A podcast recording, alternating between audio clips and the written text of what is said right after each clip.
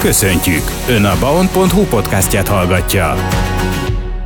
Nemrégiben volt a SIT, tehát a Safer Internet Day, ami nem mást jelent, mint a biztonságos internetezés napja. És vajon milyen internetes átverésekről tudunk beszámolni, és a gyerekekre milyen veszélyek leselkednek az interneten? Erről kérdeztem Göcs Lászlót, a Kecskeméti Neumann János Egyetem informatikai tanárát, informatikai igazságügyi szakértőt. A manipuláció az, az egy óriási dolog.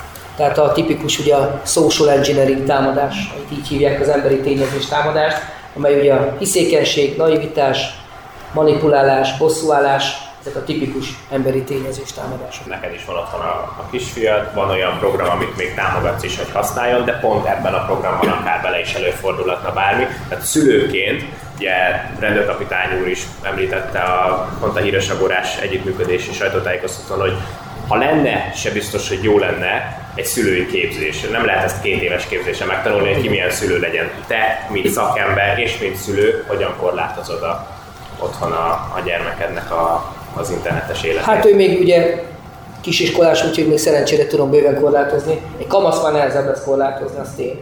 Meg ugye szokták mondani, hogy a szülői felügyeletet tegyünk a telefonra, meg a laptopra, de ugye azért egy kamasznak is már azért vannak ugye magán dolga, és azért azért kellemetlen tud lenni.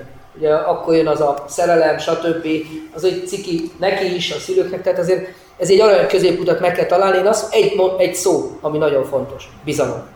És innentől kezdve mindent elmondtam, mert hogyha a kamasz gyerek is az édesap, édesanyja bizalmas, és elmondja akár a különböző kapcsolatét, a beszélgetéseket, és beszélgetünk velük. Hogyha valaki idegen rád ír, mondd el, hogy mit ír. Majd én elbeszélgetek vele, hogy nyugodtan mondd el, ha gáz van, ha probléma van. Nem magába zárkózom, mert az a legrosszabb. Akkor jön a, ugye a nem küldesz még képet, akkor bosszúállás, kiküldöm a szüleidnek. De van egy bizalom, és azt mondja, hogy bocsánat, anya, küldtem egy képet, ez történt, bizalom elmondja, és akkor tudunk lépni tovább. Tehát nincs, nincs tovább, ez, a bizalom az a leges-leges legnagyobb erényünk ebben a, ebben a sztoriban. És ahol nincs meg a bizalom, vagy ahol ez nehéz szülőként is létrehozni, ott milyen korlátozási lehetőségek vannak, amelyek talán ezt a bizalmat nem ássák még jobban kútba, és a szülő úgy tudja ellenőrizni a gyermekét, hogy, hogy abból a szülőnek se lesz problémája, hogyha ez a gyereknél kiderül. Tehát hogyan lehet még akár ezeket nézni, a, korlátozni azt, hogy meddig használhatja az internetet, milyen programokat, Hát igen, csak ugye a mai fiatalok sokszor már elég durva meg tudják kerülni a szülőket, főleg technikában. Tehát itt már hiába azt mondja, hogy kollégám mesélt, hogy a routerének a wifi-t letiltott, azt a gyerek megoldott a pillanatok alatt. Tehát itt már ez nem biztos, hogy mérvadó. Nehéz egyébként, mert ugye a suliba is viszik a mobiltelefonjukat, szünetben használják, használják, nem tudom, van olyan iskola, hogy letiltják, de sok helyen meg azt mondják, hogy már pedig az én gyerekemnek ne tiltsák le a telefon, mert ha baj van, 20 éve anyám azt tudta, hogy mi van vele, berakott az ajtón délután kihozott, más világban. Ami egyébként egy érdekes, hogy amikor bejött ugye a, a pandémia, és jött az online oktatás. Én azt láttam, hogy egy picit, nem picit, kapkodás volt oktatási területen, sok, sok helyen. Ezt így nagyon komolyan le kellett volna szabályozni, és azonnal.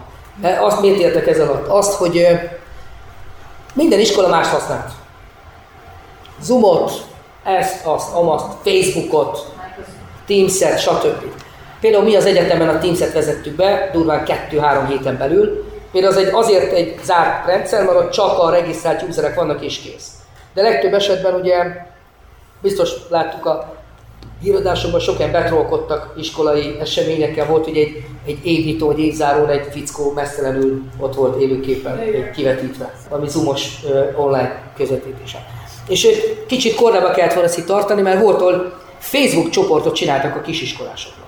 Na az volt durva, hiszen eleve a Facebooknak a szabályzatában is benne van, hogy x korhatáron belül nem csinálunk profilt, meg kellett csinálni a szülőknek, hogy legyen a gyereknek profilja. Onnantól kezdve már gyerek ott van, ott maradt, oké, okay, jaj, használja, úgyse lesz semmi. Tessék, nyílt egy kapu az online térbe. Úgyhogy nagyon nehéz ez egyébként. Nem tudom, tényleg megint csak visszatérek a bizalomra, meg, meg az, hogy mindent írtok, de mindig van egy kis kapu. Akkor odaadja a haverja a telefonját a születbe és kész. Vagy megosztja a wifi-t. De tényleg a két irányú bizalom, bizalmatlanság, igen, a másik félről, és akkor, akkor más nem tudunk tenni. Még itt azt a szállat vetném be, hogy mi is a motivációja a csalóknak. Hogyha a gyerekeket támadják, tehát és akkor a motivációt megértjük, akkor kicsit jobban bele tudunk ebbe gondolni. Tehát itt van az érzelmi csalás, van, amikor ebből pénzt akar látni a csaló. Hát sajnos a gyerekek eh, két irányú egyébként, mert a gyerekeknél ugye lehet gyorsan személyes adatokat azonnal kikutyogják, pillanatok alatt.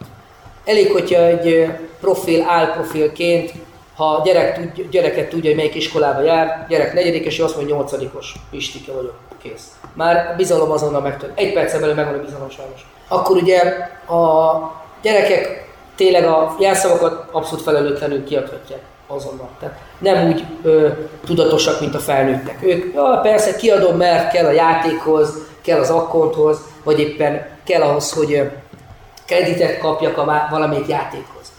Akkor ö, ö, valótani információkat is gyorsan továbbítanak a haveroknak, mert ez milyen buli, milyen jó, mennyire érdekes valakiről, ugye? Vagy éppen valakiről van egy fotó, és akkor már dobják szét.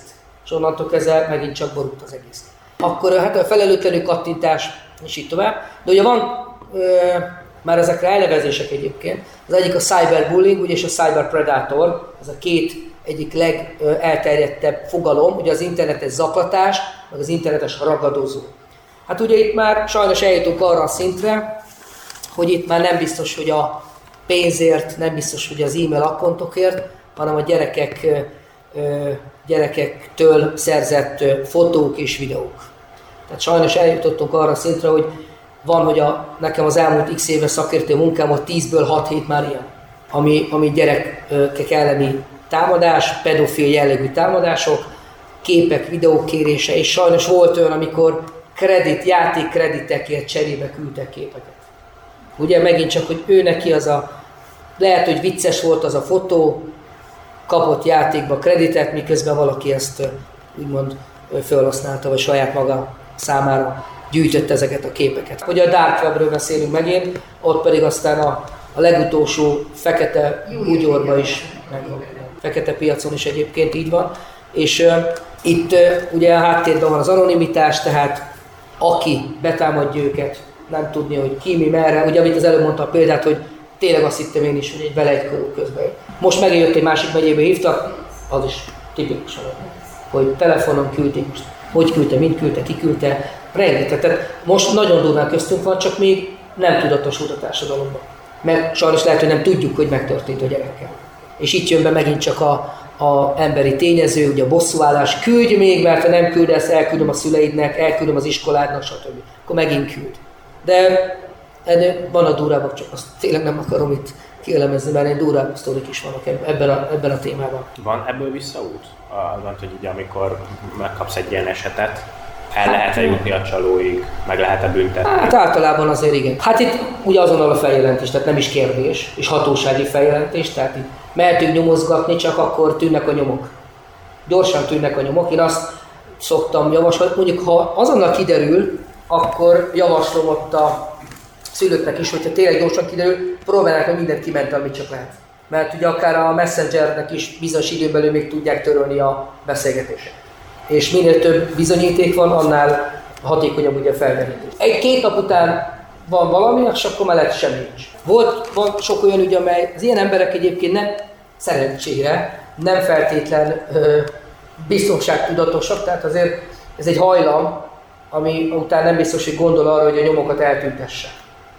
Tehát van, aki profi, tehát amikor már olyan VPN-t használ, stb. sajnos az, meg, az megint egy nehezebb forma, de azért sok esetben van, amikor azért úgy, én azt láttam egyébként ezekben a munkáimban, kirendeléseimben, hogy a felderítés az nagyon jó volt. Nagyon sok esetben sikerült. Tehát ez, ez, ez működött. Sok, sok esetben, tényleg. Nagy arányuk mondom azt, hogy a felderítés az jó volt.